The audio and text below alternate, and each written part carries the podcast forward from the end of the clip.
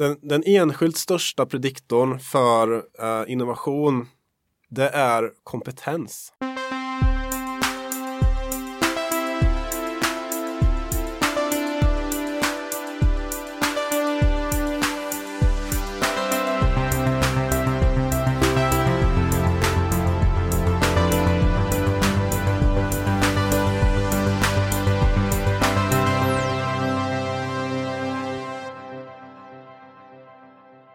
Framtidens företag och organisationer kommer behöva lära sig att bli mer kreativa och innovativa. Både för att stå sig i den globala konkurrensen men också för att kunna attrahera rätt talanger och framtidssäkra sin verksamhet. Offentlig sektor behöver hitta nya sätt att effektivisera sin verksamhet, bemöta medborgarna på det sätt som förväntas i framtiden. Det räcker kanske inte med pingisbord och fredagsöl för att locka fram de där snilleblixtarna. Faktum är att det finns en hel del forskning på hur organisationer kan arbeta strukturerat för att främja innovation och kreativitet. I dagens avsnitt av Heja Framtiden ska vi träffa Leif Denti som forskar inom just innovationspsykologi. Först ska vi bara tacka våra samarbetspartners. Eh, vi spelar in hos Helio GT30, eh, Guterugatan 30 i Stockholm, i deras poddstudio. Helio har åtta platser i Stockholmsområdet där det finns kontorshotell och eventlokaler. De har även föreläsningar och annat. Kolla in helioworks.se. Warp Institute samarbetar vi med. De hejar verkligen på framtiden. Gå med i den underbara Facebookgruppen, Sveriges mest optimistiska Facebookgrupp. Bra, jag heter Christian von Essen. Det här är Heja Framtiden. Vi pratar om innovation inom organisationer och företag. Varsågoda. Du får vet du, editera ut alla snörv, snörvlingar. Ja, det ska bli där. jättekul att göra. Ja. Fyra timmar ja, snörvelklipp. um, bra. Då säger vi välkommen till Heja Framtiden, eh, Leif Denti. Hej! Hej! Kul att ha dig här. Ja, tack. Det är jättekul att vara här. Um, kan man säga att du är doktor i psykologi? Mm vid Göteborgs, Göteborgs universitet. Precis. PhD. Uh, men det är alltså inom innovationspsykologi mm. som det kallas, innovation management. Precis, man kan ju undra vad, vad en psykolog håller på med när man går ut i företag och tittar på liksom hur företag ska växa och vad som, vad som skulle bidra till det. Um, men faktum är ju att de som, de som är kreativa, de som ska ta fram nya produkter, tjänster, vad det nu kan vara, de, det är ju människor naturligtvis. Människor är drivna av motivation uh, och vi ska rekrytera dem, vi ska se till så att de mår bra och alla de här grejerna och det, och det där är psykologi liksom. Det är bara så. Så att jag har verkligen specialiserat mig på uh, just psykologin bakom kreativitet, innovation, hur det funkar i organisationer. Det, det känns som att det är ett uh, underutforskat område lite grann. Alltså mm. det är mycket tyckande och lite forskning. Ja, det är mycket, det är mycket liksom så här lekmanna tyckande att folk, folk har liksom lite erfarenheter hit och dit. Och så tycker man saker och ting. Så, men däremot så forskningsfältet är ganska stort. Uh, det är bara att det inte är stort här i Sverige kan man säga. I USA är det superstort. Mm. Uh, det kallas för IO psychology, Industrial Organizational Psychology.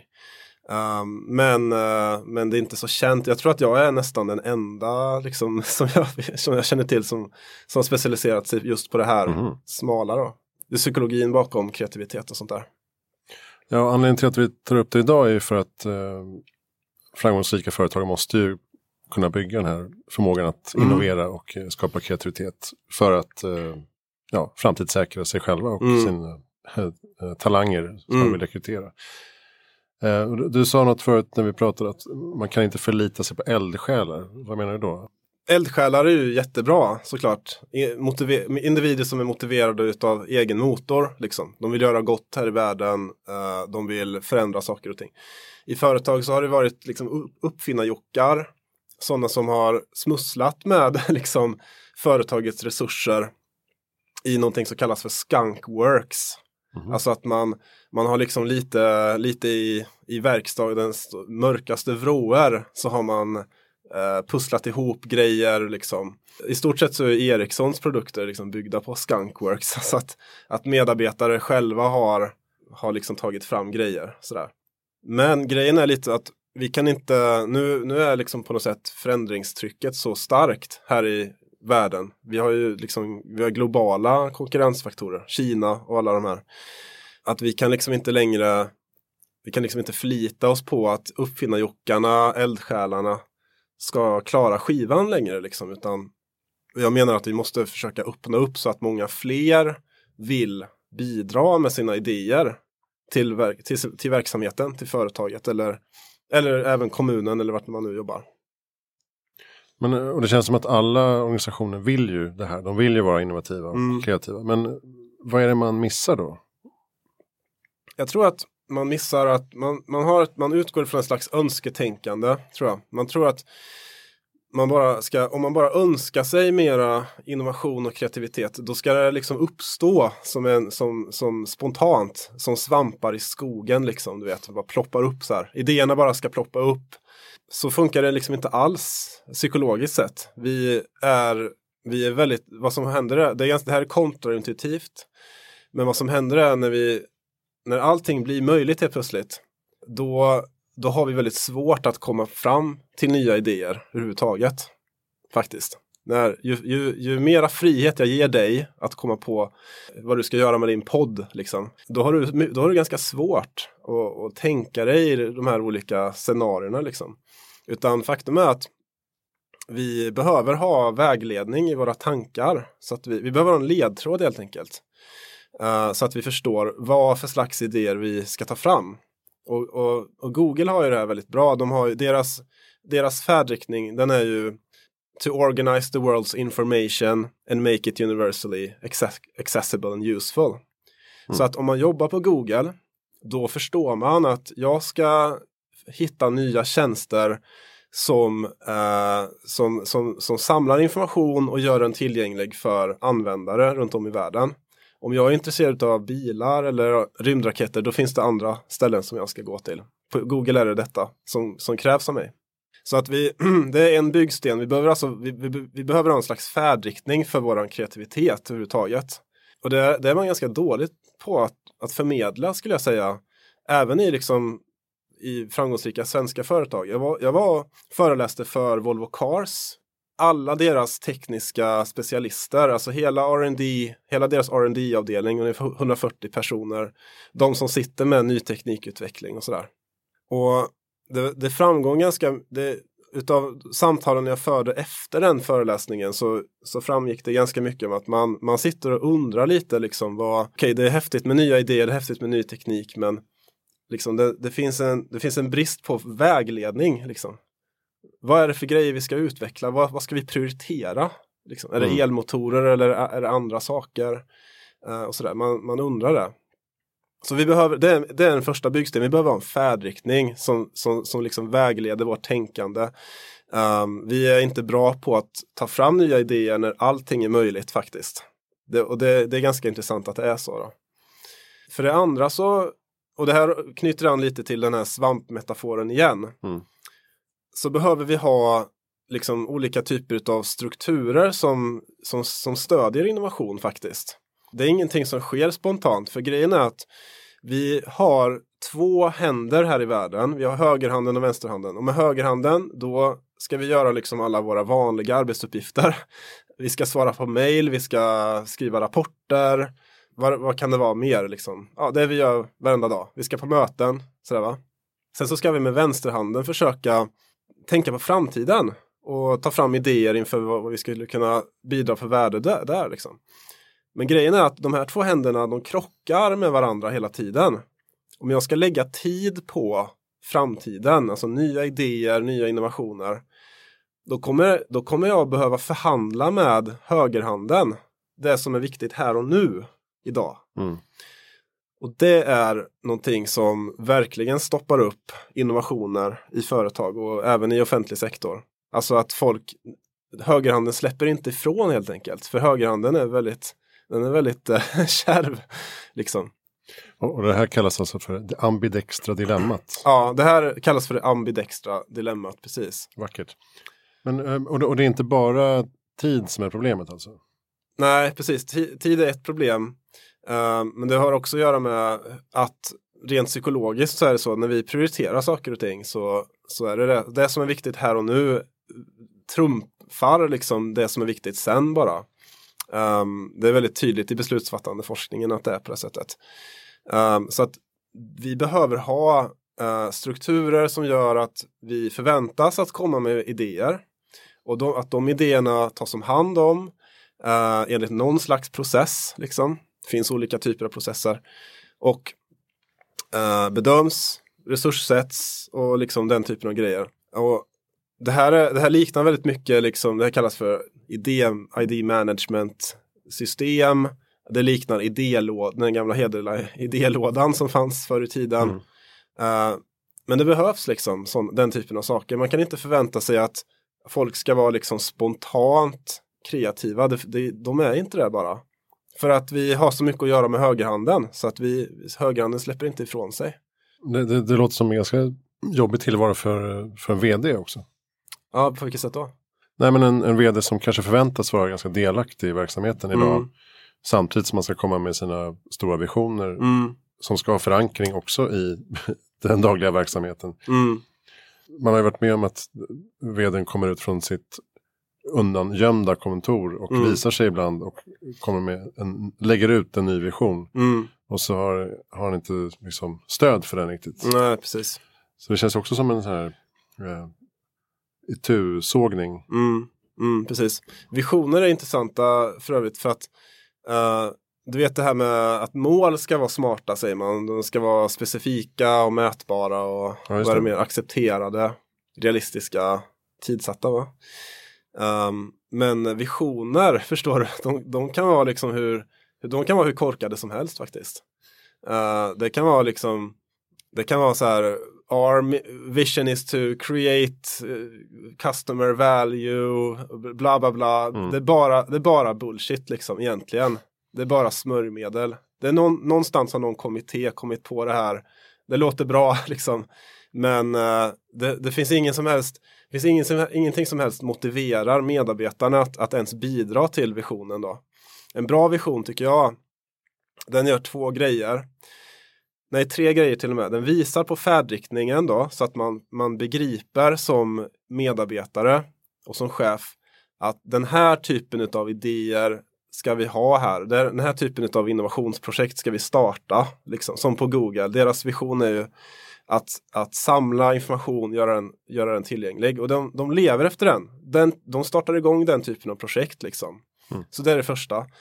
Um, den andra grejen är att en vision ska, den ska vara attraktiv så att man vill sätta igång de här projekten. Att man vill komma med idéer. Det finns, det finns ett visst motivationselement eh, bakom kreativitet. Om vi inte är motiverade så blir vi liksom mindre sugna på att uh, hitta på nya påhittiga idéer helt enkelt.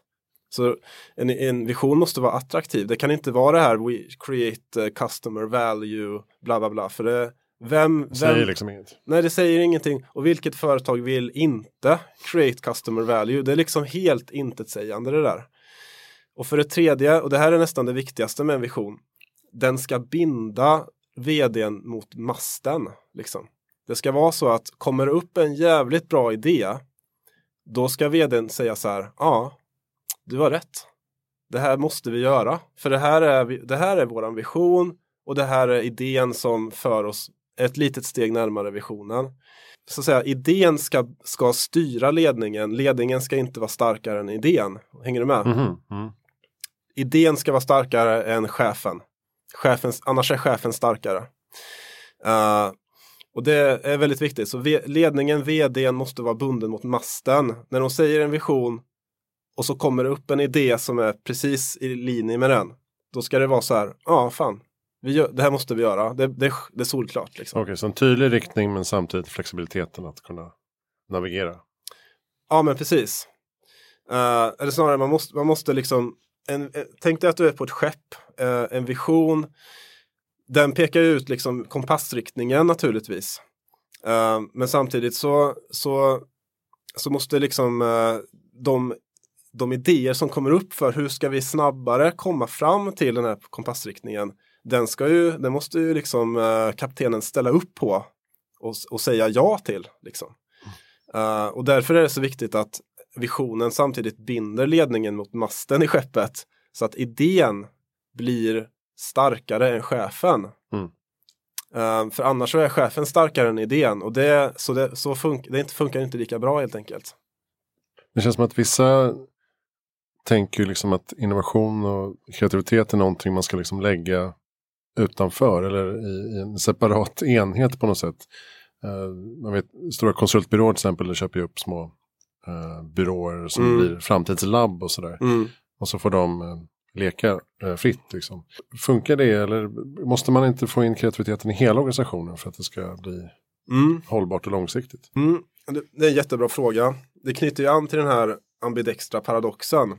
Alltså hur ska ett företag använda både högerhanden och göra de grejerna som skapar värde idag och hur ska man kunna använda vänsterhanden, det vill säga skapa värde inför framtiden.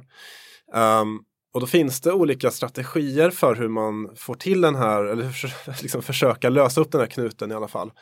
Uh, och det, det du nämner är ju att man, man, man, man liksom för, fördelar innovationsförmågan någon annanstans än i kärnverksamheten helt enkelt. Mm. Ike- Ikea gör ju det. De har ju ett innovationslabb och det funkar väldigt bra för dem. Faktum är att Ikea, om, man tänk, om du tänker efter när du går in på en Ikea-affär varenda, varenda år så är det liksom ganska mycket nya grejer. Så här. Och det här är ett globalt företag som, som, som har en tillverkning någonstans och logistik någonstans. Och liksom det, är, det är ganska fantastiskt att de faktiskt eh, lyckas, lyckas med det här. Då. Så man kan fördela det utanför sin kä- kärnverksamhet så att själva innovationsverksamheten eh, slipper drabbas av det här mera kortsiktiga produktionstänkandet helt enkelt. Mm, alltså okej. högerhandens tänkande då. Så det, det är den första strategin. Den andra är att man gör som typ Google och 3M och, och de här företagen då.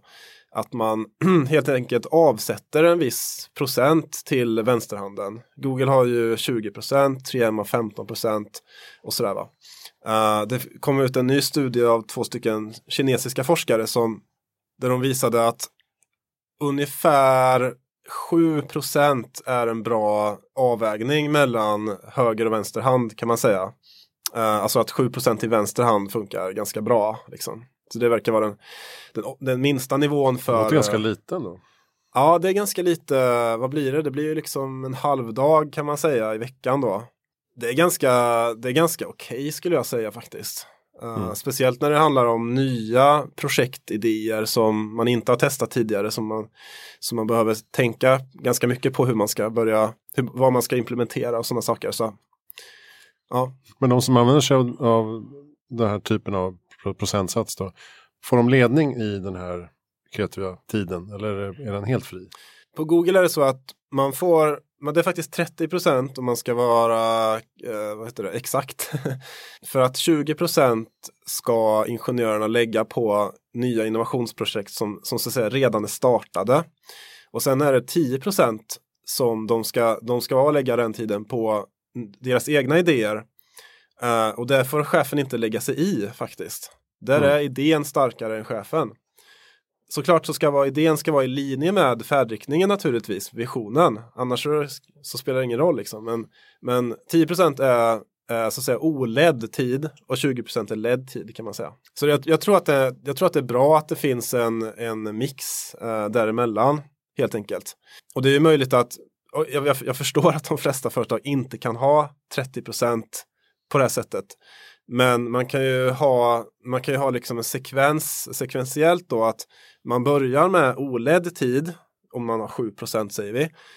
Och sen så går det över till ledd tid när det väl blir så att man ska börja implementera den här idén eller prototypa eh, eller vad det nu kan bli för saker. Anledningen till att det här inte uppstår då per automatik är bland annat något som du kallar för aktiveringsenergi. Mm. Vad, vad ligger i det begreppet? Det är ett superintressant begrepp tycker jag. Mm. Ehm, det är snott ifrån kemin. Om vi skulle ha en eh, hög med svartkrut här på bordet. Då skulle vi behöva lägga till energi eller vi skulle föra in energi någonstans, alltså en tändsticka då. eh, för att tända eld på den här högen. Och det visar sig att så fungerar våran motivation ganska mycket. Vi, vi liksom, allting vi företar oss här i världen kräver en viss mängd energi. Och det kom ut en bok 2010, den heter Willpower.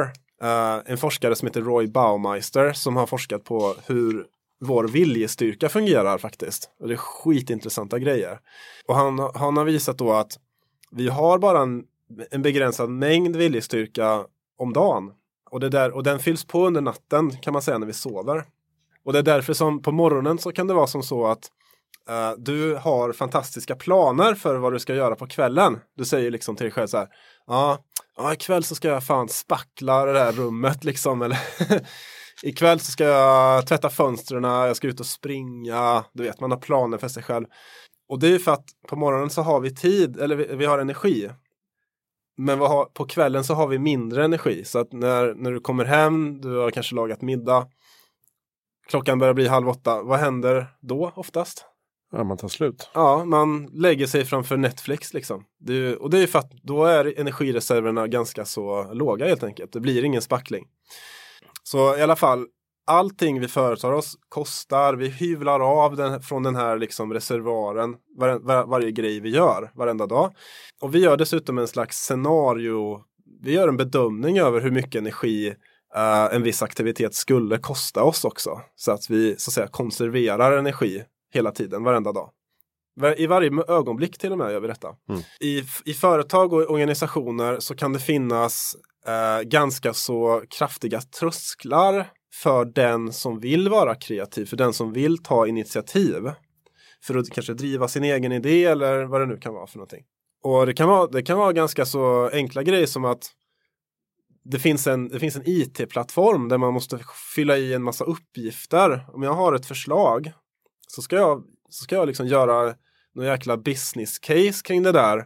Uh, där jag ska fylla i en massa grejer i en IT-plattform med, eh, med lösenord jag glömt bort naturligtvis. Liksom. Um, så jag ska ta reda på lösenordet och sen så ska jag fylla i alla de här rutorna som krävs av mig i den här IT-plattformen. Bara för att överhuvudtaget submitta en idé någonstans. Och det är ju det är ganska höga trösklar. Uh, och återigen, jag måste göra det här med min vänsterhand, eller hur?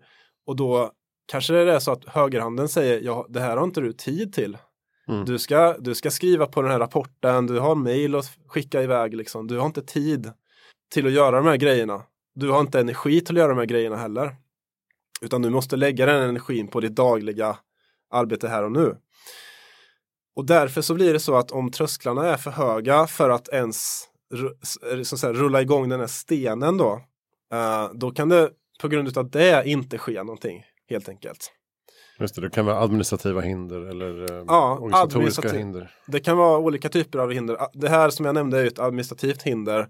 Att så fort jag får en idé då blir det, då blir det administrativ fallout för mig. Liksom. Jag, kommer, jag, kommer, jag måste logga in på ställen, jag måste fylla i rutor och typ, jag orkar inte göra det där. Mm. det, det tar för mycket energi. Sen finns det andra organisatoriska hinder.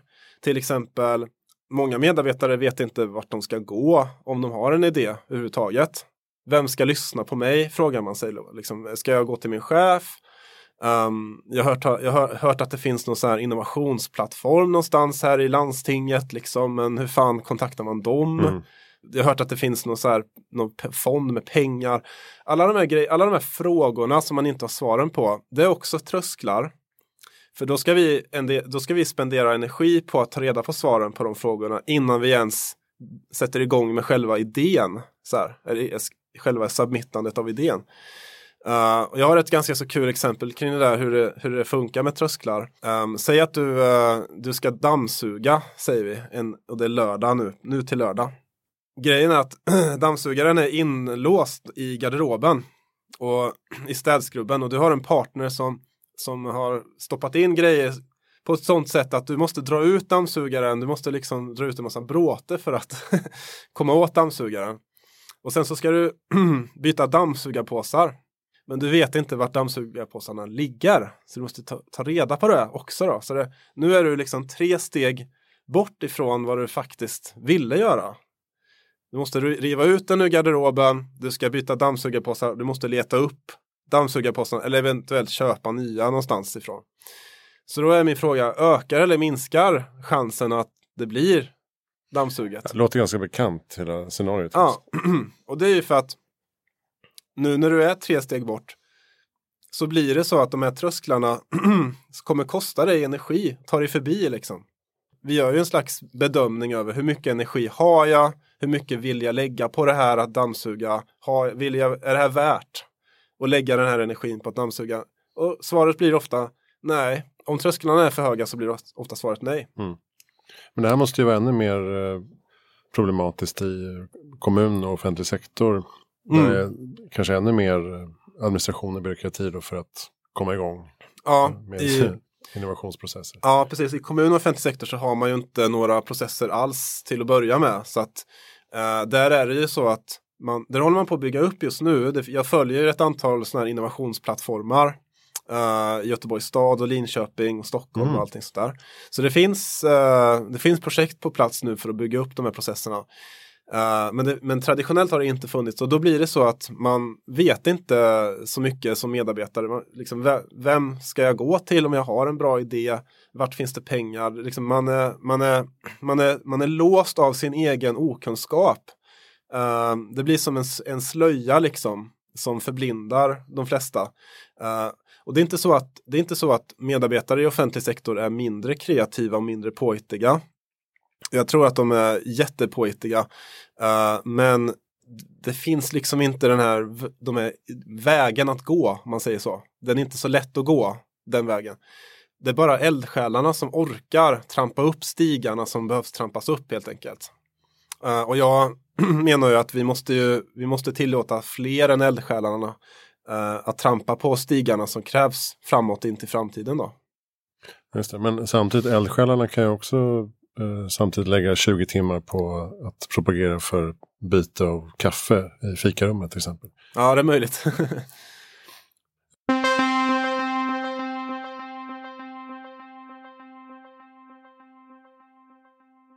Du nämnde sist vi eh, talades vid att eh, man behöver bygga en motor för idéskapande. På mm. något sätt.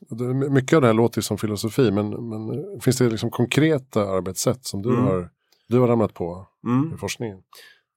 Vi testar ett sådant arbetssätt nu uh, i Göteborgs stad. Uh, och det, så hela, det här, hela filosofin bakom det här arbetssättet går ut på att minska trösklarna så att man kan komma igång lättare, snabbare. Uh, och ger, ger vänsterhanden tid helt enkelt. Så att den kan få jobba. Vi behöver hitta en balans mellan höger och vänster hand. Höger hand är ju verksamheten här och nu. vänsterhanden är ju framtiden. Mm. Uh, så ungefär en timme i veckan och det, det är inte mycket tid uh, till vänsterhanden alltså. Men ungefär i offentlig sektor så tror jag att en timme i veckan skulle kunna vara en balans mellan höger och vänster hand. Uh, så det får medarbetarna nu i våra test, uh, testverksamheter. Så blir det 2,5 procent? Ja, ungefär. Av en 40 ja. timmars. Mm.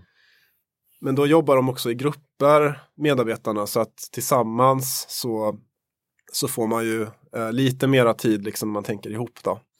Så dels är det eh, en grundstolpe är det då, en timme i veckan får de till det här, till att tänka nytt helt enkelt. Sen så jobbar de med en, en väldigt enkel process där man testar någonting under tre månader. Det kan vara en förskola till exempel. Vi har sett att när, när, när föräldrar med dubbelbarnvagnar kommer in så fastnar de lite i klädskåpet. Typ. Det blir för trångt med, kläds- med, med det här torkskåpet. Vad händer om vi skulle flytta torkskåpet till kapprummet istället? Från hallen då. Typ sådana grejer. Väldigt enkla grejer. Mm eh, som man testar under, under två, tre månader. Bara titta om det funkar eller inte funkar. Det är det som är motorn. Eh, det, är, det, här är inte särskilt avancerat eller flashigt på något sätt men eh, sen, det kommer att bli det lite senare då kan man säga. Alltså att den här typen av, det kan, vara, det kan vara väldigt lågt hängande frukter som att flytta torkskåpet. Det kan också vara lite, lite större grejer också. Men det viktiga är att vi har en motor som gör att medarbetarna överhuvudtaget liksom får möjlighet att komma fram med sina idéer och testa dem i verksamheten. Är inte det lite vad Lean jobbar med också? Ständiga förbättringar? Ja, det här är jätte, det här, precis det här är väldigt likt ständiga förbättringar kan man säga. Mm. Absolut. Men man kan komma väldigt långt med ständiga förbättringar. Jag forskade på barnakuten i Göteborg faktiskt. Hur de har jobbat på exakt det här sättet faktiskt. En timme i veckan. eh, göra korta tester av saker som fungerar och inte fungerar.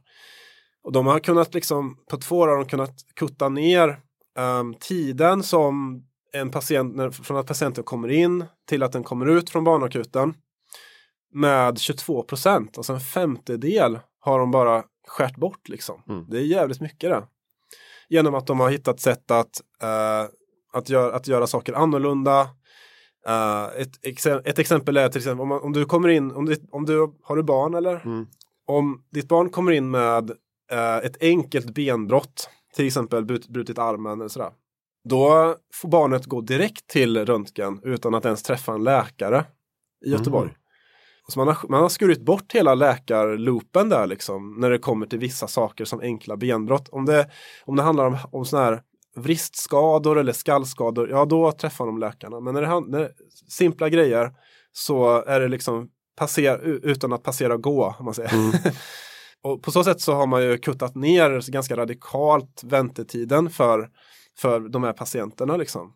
Ehm, och det, det där är, det är inte revolutionerande, men det är jävligt bra. Mm. Ja, verkligen. När det gäller lite större områden, typ eh, stadsplanering och sådana Mm. saker. Eh, kan man bygga kreativa miljöer? Eller eh, Du menar eh, designa själva fysiska miljön eller?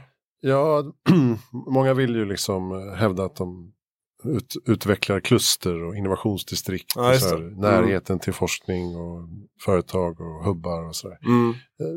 Finns det någon eh, liksom, empiri kring om det funkar eller inte? Eller eh, är det mest eh, fingret i luften? Ja, jävligt bra fråga. Den jag, den jag tror skulle kunna besvara den bäst är ju Richard Florida. Han har ju forskat det. på uh, sådana här miljöer i, i ehm, Houston, tror jag, eh, San Francisco, sådana här hubbar, Mm. Boston. Och eh, han menar väl att det funkar, ganska, om det är någonstans man ska lägga pengarna så är det på sådana här hubbar för att få en stad att växa då. För Mm. att locka till sig de som han kallar för den kreativa klassen. Just det, just det. Mm. Så att ja, absolut. Det man inte ska lägga pengarna på det är ju idrottsarenor och sådana grejer. För det, det verkar inte spela någon roll för en stads tillväxt överhuvudtaget faktiskt. Alltså, Nej. Och det är tyvärr det är det som Göteborg gör väldigt mycket kan jag säga. det, Stockholm har gjort det väldigt mycket också. Ja, men precis. Eh, det är ju trevligt och så, men det bidrar enligt Richard Florida i alla fall, bidrar inte alls till, eh, till stadens tillväxt och stadens att- attraktionsförmåga. Liksom. Utan det som attraherar eh, kreativt kapital, alltså välutbildade unga människor i stort sett, eller välutbildade, behöver inte vara unga i och för sig, det är ju jobbmöjligheter. Mm. Det, är, det, det, är där, det är därför man flyttar till Stockholm. Liksom. Det är inte för att man vill gå på, på, på arenan här omkring. Liksom. Nej, det gör man kanske två gånger om Ku- året. Kultur, kulturutbudet är en, en nice to have. Det är inte en need to have. Mm. Nej, Det. Eh, det är kul att eh, i Göteborg då att vi har liksom så många fotbollsarenor och att vi har Göteborgs symfonikerna, Sveriges nationalorkester och sådana grejer. Men det är inte därför man flyttar till Göteborg. Utan det är ju för att man vill jobba på Volvo eller eller på Sävet kanske eller liksom jobba med, med, med kreativ bilutveckling liksom. Så, så att Eller närheten till modeindustrin. Ja, men precis det också. Men, men utöver det så vet jag inte. Jag, jag har inte forskat på det själv faktiskt. Utan det är vad jag har läst från Florida och andra då. Jag läste en artikel där du var inblandad som handlar om konflikt och kreativitet. Mm. Som jag tyckte var lite intressant. Vad kan man säga där? Är, är konflikter enbart negativt eller finns det någonting eh, tändvätska i det där? Mm. Det, det är jätteintressant tycker jag. Um, det finns två typer av konflikter till att börja med. Dels personkonflikter och dels konflikter om uppgiften. Någonting som kallas för task conflicts.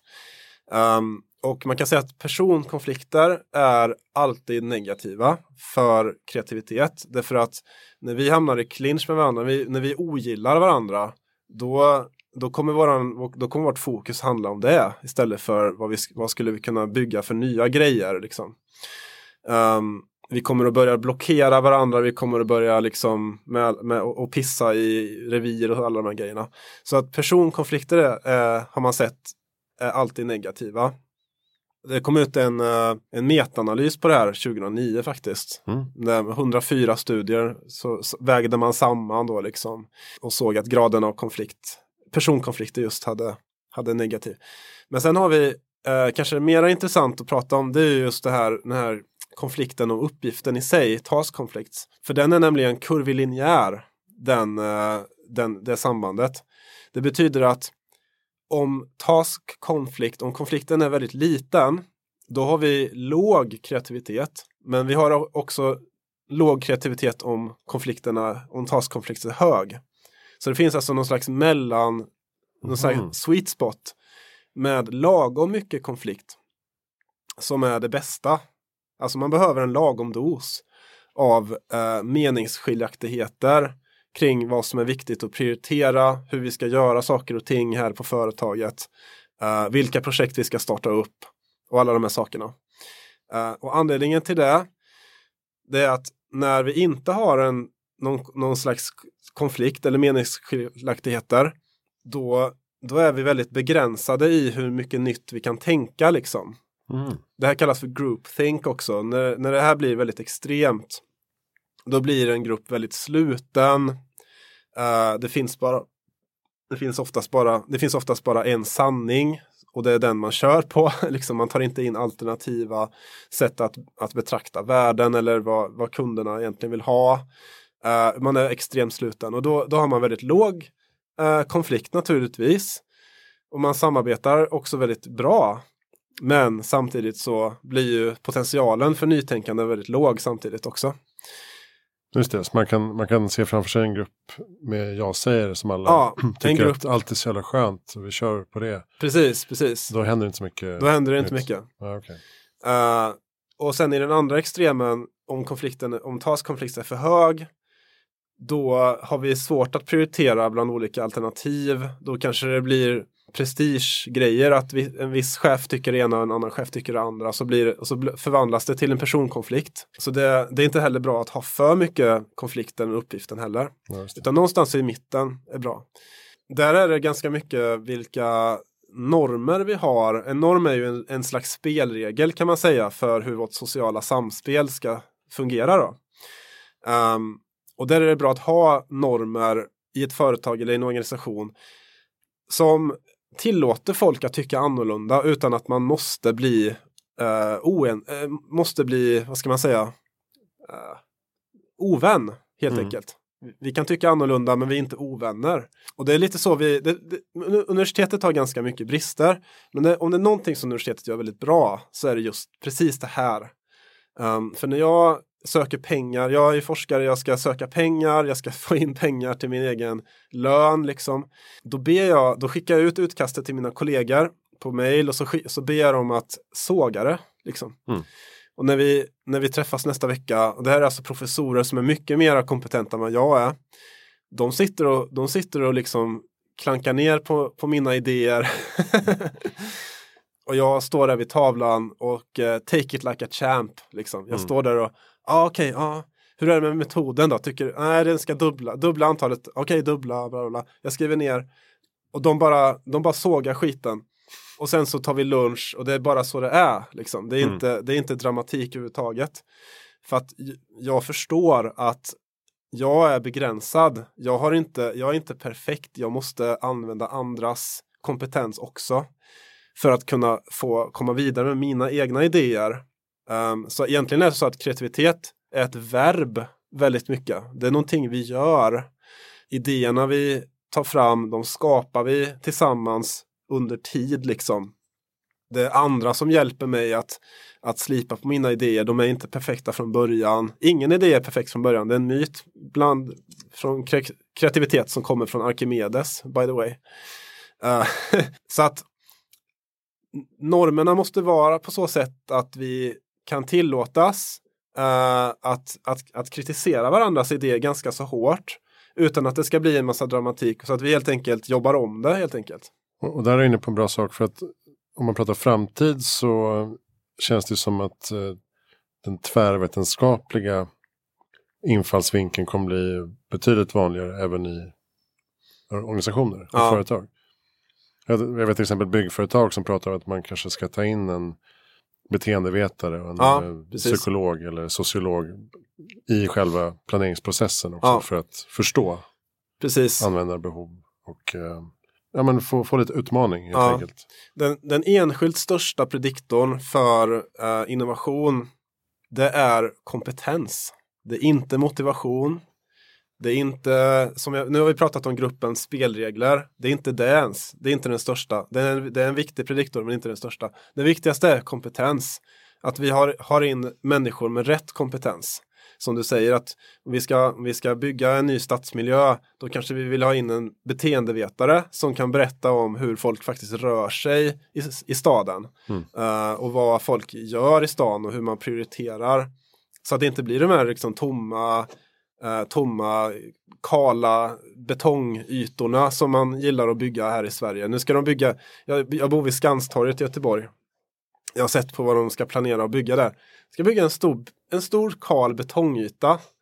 Eh, och jag som är liksom forskare i psykologi, jag tänker liksom, det kommer inte, det kommer inte vara någon här. Det här kommer att vara helt tomt liksom. Det är ingen som vill sitta här.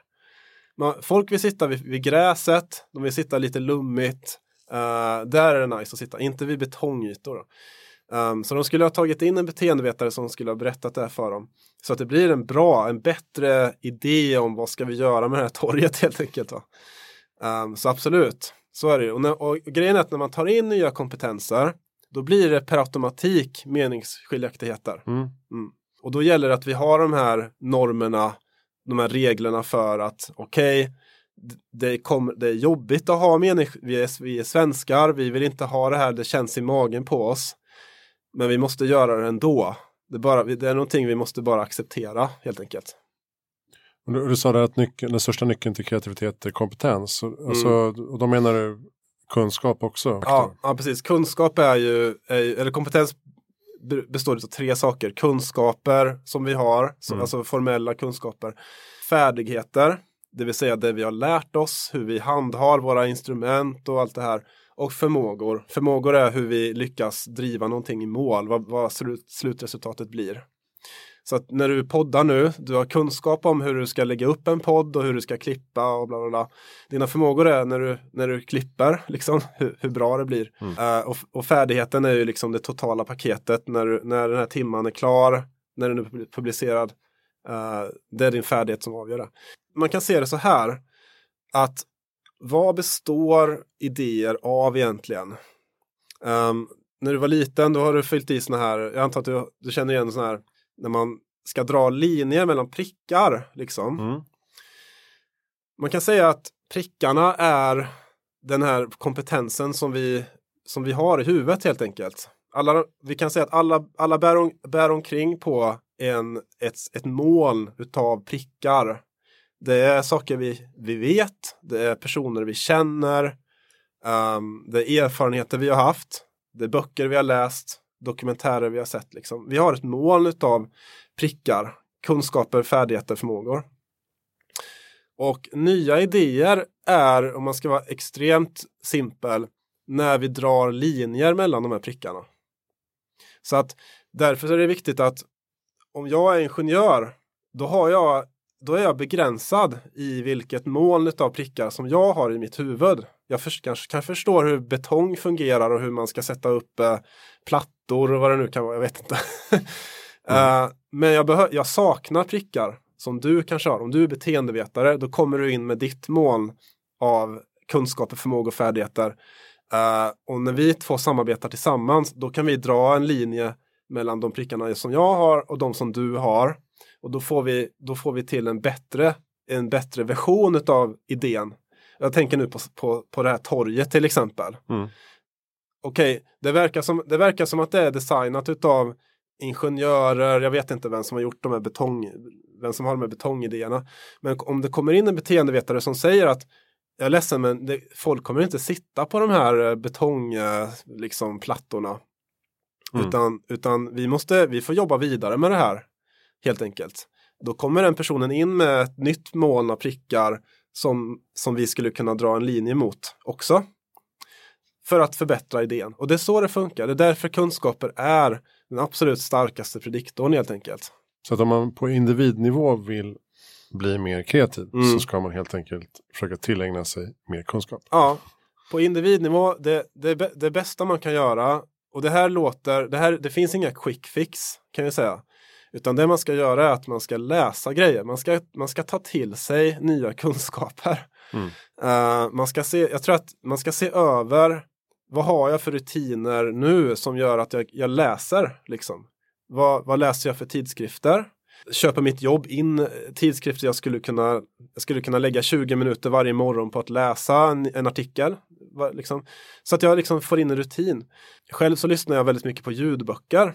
Jag mm. lyssnar på ungefär 60 böcker om året. Um, jag gör det hela tiden när jag gymmar, när jag, när jag står i kö, liksom, mm. när jag dammsuger. Så på så sätt så får jag extremt mycket läst.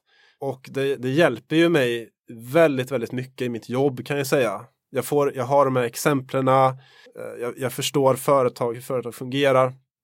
Jag är inte ens utbildad ekonom eller någonting, men jag har läst så mycket böcker nu så att uh, faktum är jag läser, jag läser sjukt mycket mera böcker nu än när jag var student liksom. Mm.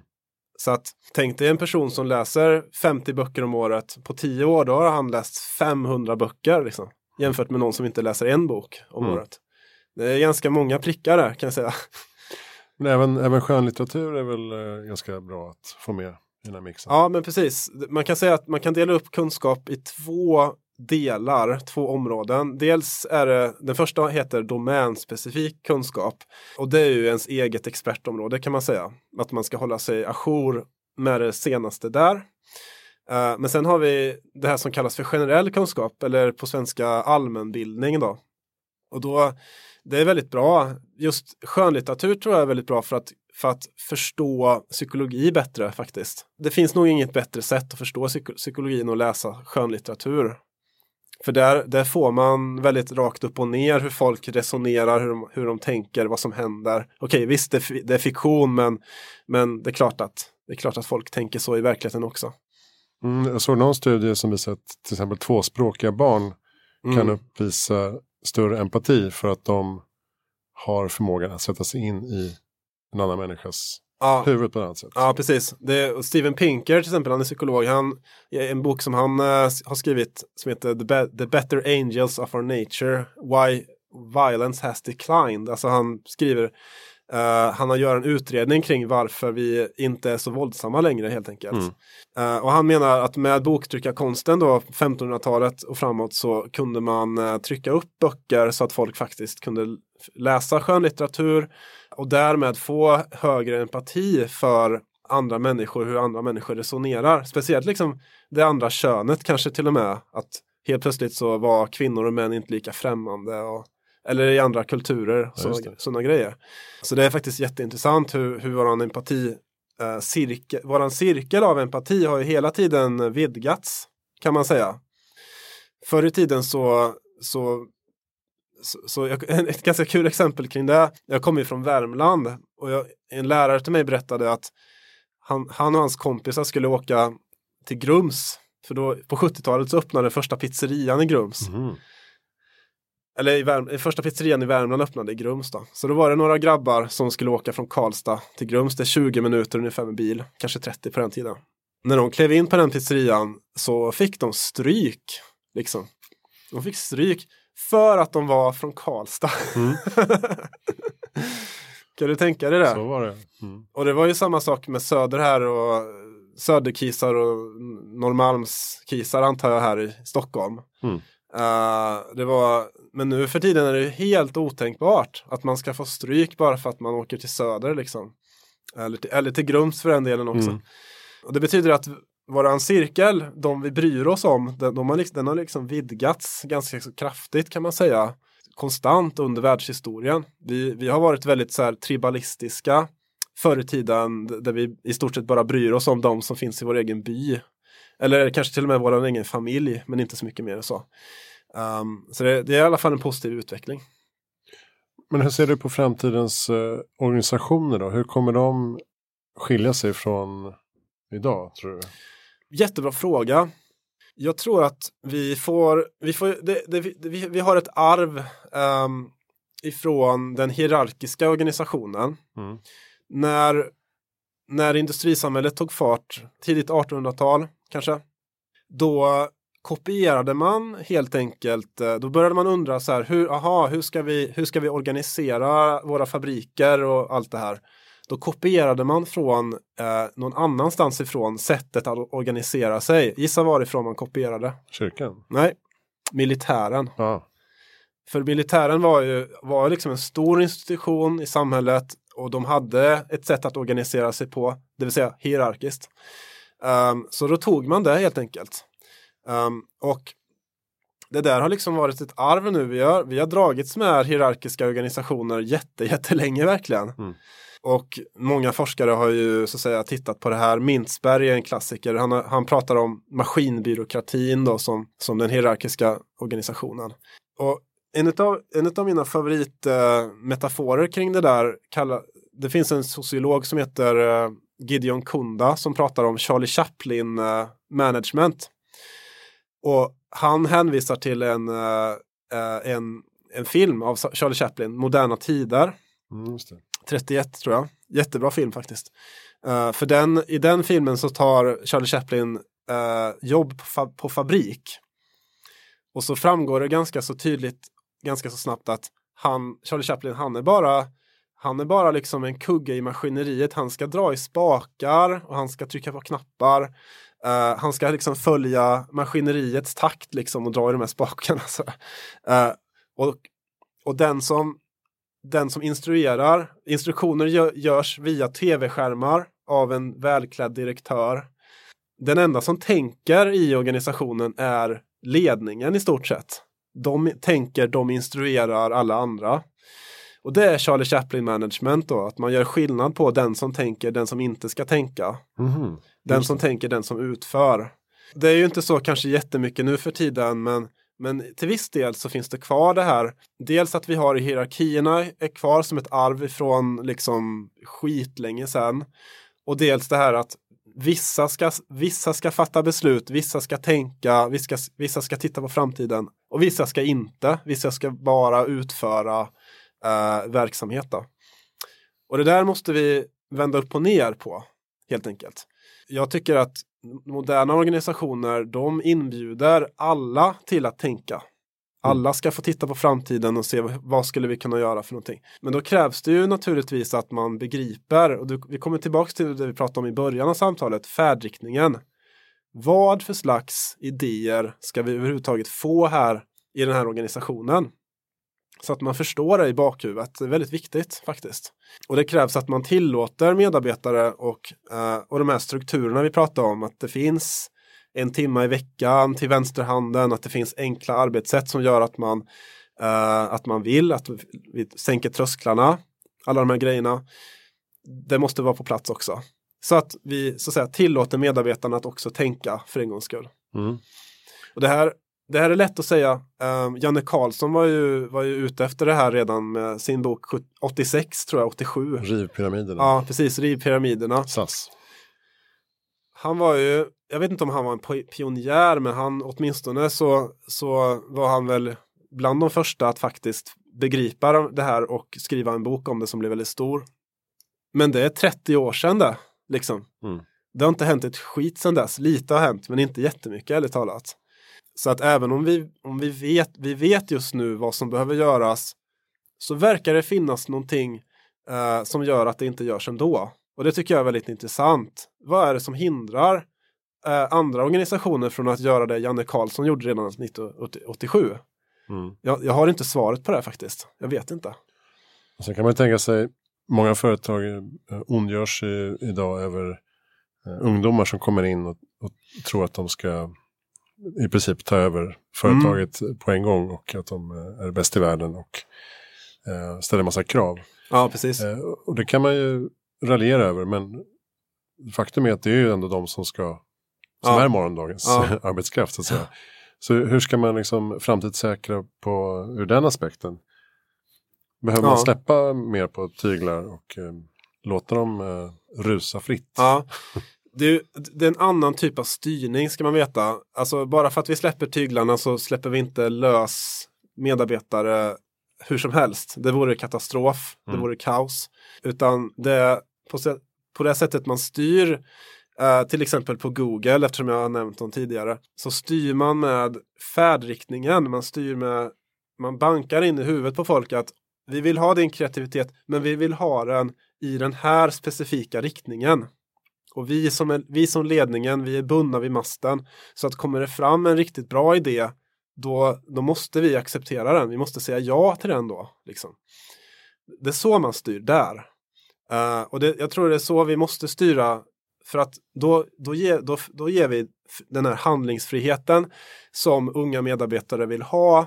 Men vi styr dem samtidigt uh, med den här färdriktningen. Så någon slags styrning sker ändå. Mm. Ja, för alla vill väl ha en vision och eh, framförallt syfte kanske. Mm. Att jobba mot. Precis, så är det ju. Bra. Eh, du tipsade tidigare om en spännande författare som heter Philip eh, Tetlock. Yes. Vad kan vi säga om honom? Vi pratade om eh, att spå framtiden. Ja, det här är ju, eh, det här är ju Heja framtiden. Och eh, en av de bästa böckerna jag läst eh, på många år. Det är hans bok som heter Super Forecasters. Den kom ut 2016 eller 2017 tror jag. Ja, förlåt. Uh, super Forecasting. Ja, Super Forecasting. Uh, han har också skrivit en annan bok som jag läste innan dess som är mycket mer teknisk. Han, det är alltså en forskare som hans livsverk går ut på att faktiskt kolla upp vad, folk, vad olika såna här sofftyckare, olika såna här experter säger om framtiden. Mm. Alltså Kommer USA gå in i Kuwait eller kommer de inte det? Kommer dollarn att gå upp eller kommer den gå ner? Alltså hela tiden så möts vi av sådana här utsagor från olika typer av experter. Mm. Uh, och det är ingen som kollar upp dem utan de får vara experter utan att så att säga, de har inga, det finns ingen konsekvens av att ha fel. Oftast, för det är ingen som kollar upp dem. Men då har Tetlock faktiskt gjort det. så att han har kollat upp 86 000 sådana här prediktioner. Det är jävligt mycket. Och gissa vad hans eh, resultat är? Inte så många hade rätt. Nej. Man skulle lika gärna kunna kasta pil på ja, nej eh, utfallen. Det, mm. Slumpen, eh, slumpen är, är, är kung liksom. Ingen hade rätt i stort sett. Så att det betyder att framtiden är så himla kaosartad som den är. Så, så det är väldigt svårt att överhuvudtaget veta någonting om framtiden. Däremot så kunde han se, i hans uppföljande studier, så kunde han, kunde han se att vissa, en viss grupp av människor, eh, som han kallar för superforecasters då, de har en liten högre chans att faktiskt ha rätt inför framtiden. Att på, alltså systematiskt kunna predicera framtiden bättre än andra. Mm. Det som skiljer dem från eh, de andra då, det är att de inte är dogmatiska. Alltså, uh, en, en, alltså typ, ta till exempel en vanlig sofftyckare, Göran Greider, han kommer alltid att tycka vänstergrejer liksom. Mm. Han kommer alltid ha dem, den typen av åsikter och tolka världen på ett sånt sätt som han gör. En dogmatiker har en stor idé, liksom, som han eller hon kommer att följa och alltid tolka världen. Och det visar sig att dogmatiker har väldigt fel oftast. De har, de har, de har rätt ibland. När, de, när liksom när, när framtiden är i linje med deras stora idé, då har de rätt. Men annars har de hel, hela tiden fel. Medan den som, den som om, man, om man faktiskt vill bli bra på att förutsäga framtiden, då måste man göra tvärtom. Man måste bli prestigelös inför sina åsikter. Mm. Helt enkelt. Man måste kunna uppdatera sin modell över världen oavsett vad man tycker om det. Liksom. Oavsett vad man tycker om Trump så måste man kunna uppdatera sin modell över vad han kan åstadkomma här i världen. Om man ogillar Trump väldigt starkt, då kanske man är, då kanske det färgar ens så att säga, ens prediktioner över vad han kan åstadkomma. Då tycker man att han är värdelös, han kommer aldrig åstadkomma någonting bra eller dåligt. Eller bara dåligt, inget bra, eller hur? Eller han kommer inte sitta fyra år ens. Nej men precis han är så dålig, han är, han är så dålig att han inte kommer sitta nästa mandatperiod och sånt där. Utan, så låter man ens åsikter färga ens prediktioner om vad han kommer att göra. Mm. Då gäller det att släppa det och, och se på okej, okay, det, det, finns faktiskt folk som har röstat fram Trump, trot eller ej. Han kan ha vissa, liksom, i och med att han är så himla, vad kan man säga, bångstyrig, så, så kan han göra vissa grejer som att han har tvingat fram Nordkorea nu att faktiskt lägga sig lite plattare än vad man faktiskt har förväntat sig att, Mm. de, att de har gjort. Så jag menar, han, han kan ha gjort någonting som, eh, som, har- som kan överraska oss helt enkelt. Eh, och det gäller att vara prestigelös inför det och uppdatera sin modell eh, ganska så, ja, på det sättet. Det, det är liksom en, ett, ett, ett av de största grejerna som Tetlock har visat att, att människor som är på det sättet, de gör bättre prediktioner helt enkelt. Mm. Det är bra att ta med sig. Ehm, men, det, men det är bra för, för Heja Framtiden då att eh, om ingen någonsin har rätt så kan vi, kan vi fortsätta med det här Ja men precis, i evighet. det är ju så. Men vad, eh, vad kommer du forska på i höst då? Jag ska forska på ett, jag ska sätta igång ett nytt projekt nu till hösten där eh, vi ska titta på någonting som heter scarcity mindset. Mm. Eh, och det är jätteintressanta grejer tycker jag för att om du, du vet, du har någon, någon gång har du varit ute, du har varit under tidsnöd, du har haft en deadline kanske. Varje dag, flera stycken. Precis. Och vad händer med vårt tänkande när vi är i, i nöd på tid? Vi, vad händer då? Eh, som eh, vi diskuterade i ett annat avsnitt om basinkomst. Ja, Som eh, handlar om brist på pengar. ja, Man får en, en sämre mental bandbredd. Som jag Yes. tyckte var ganska bra begrepp. precis. Precis så är det. Att bandbredden begränsas. Så att jag kan Precis. inte fokusera på något annat än min deadline. Och kul att ni har pratat om det här redan, Mm. för det, det här är precis det jag ska forska på. Eh, man, får en, man får en mental bandbredd som är en, som är enkelfilig. Ehm, vi får en tunnel, vi smalnar av. Allting som, är, allting som är viktigt för våran deadline gör vi inom tunneln. Men allting som är oviktigt skjuter vi upp eller skiter i rakt av. Liksom. Mm. Ehm, och det intressanta är ju då, vad händer i en organisation där alla är i den här tunneln? Alla är i tidsnöd eller någon slags nöd.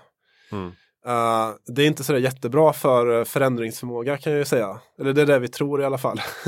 Nej, det, det, det blir inte så många visioner så att säga. Nej, man, man precis. släcker, släcker bränder.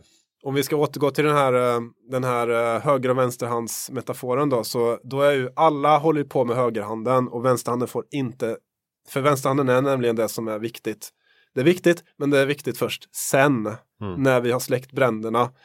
Eh, men om alla är i brandsläckning samtidigt så, så, så, är vi, så blir vi fastlåsta. Och, och vi blir fastlåsta, då kallas det för scarcity trap. Det här är en fälla vi, vi kan borra oss ner i. Och det här har man sett i folk som ständigt är i tidsnöd. Men även folk som håller på med sms-lån och sådana grejer. Mm. Um, sms-lån är ju fantastiskt irrationellt. Och det, det förstår ju även de som tar sms-lånen. Men de tar sm- sms-lånen ändå för de är, de är i den här fällan. De måste ha in en inkomst på något sätt. Så då blir det så helt enkelt. Så att vi ska titta på eh, organisationer, vi ska försöka mäta den här, eh, den här till, det här tillståndet faktiskt. Vi ska mäta bandbredden.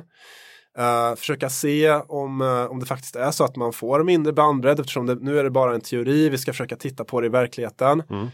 Vi ska göra liksom kognitiva tester, alltså Stroop-test och sådana grejer som gör att folk måste eh, göra svåra, svåra uppgifter i, i huvudet helt enkelt. Så, va? så att vi mäter bandbredden och sådär. Så det ska bli skitkul. Mm. Ja, och, och om det är någonting jag har lärt mig av att hela tiden prata om framtiden och eh, allt mer befinna mig i dess mindset så att Ja. säga. Är ju att man kanske inte lägger lika stor vikt vid de här eh, eh, dagliga operativa uppgifterna. Nej, precis. På gott och ont då. Men, Mm. men eh, en, en rapport eller ett möte, så här, det blir inte, man måste inte stressa ihjäl sig. Nej, För att det är inte så viktigt Nej, i precis. långa loppet. nej. det är ju så. Och eh, det är där jag tror folk sitter fast. Mm. Att eh, man inbillar sig att det är viktigt. Och, Ja. gör, och gör det viktigt. Precis, folk är för lojala helt enkelt. Man, man, får, man, får, man får runda av lite också. Uh, om man ska, överhuvudtaget ska, ha- ska ha utrymme till vänsterhanden, tycker jag. Mm. Bra. Tack snälla eh, Leif Tentti för att du kom hit. Ja, vem, vem tycker du att vi ska intervjua i framtiden? Uh, Elisabeth Wenström kanske, årets chef. Jaha. Ja. Hon, Eh, eh, var jobbar hon någonstans? hon jobbar på Manpower. Okay. Jag sitter med i juryn som utsåg henne på, på chef, uh, ja, tidningen Chef helt enkelt, utser, utser, ger ut det priset. Just det. Och jag tycker hon är en fantastisk chef. Jätte, hon har vunnit, jag tror hon har vunnit medarbetarundersökningarna tio år i rad Mhm. på Manpower. Hon är en jävla superkvinna. Alltså. Vad gör hon som inte andra gör då? Hon litar på folk. Hon, hon, hon, verk, hon, hon, eh, det här blir ju floskler när man säger det naturligtvis, men hon, Mm. hon gör det. Liksom. Hon litar på folk, hon ser till att folk får växa.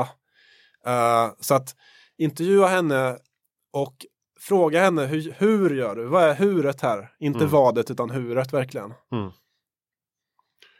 Bra. Tack så mycket för idag. Jag heter Christian von Essen och eh, vi finns på hejaframtiden.se, nya hemsida som samlar allt du behöver veta. Eh, vi hörs nästa vecka med något helt annat. Tack för att du lyssnade.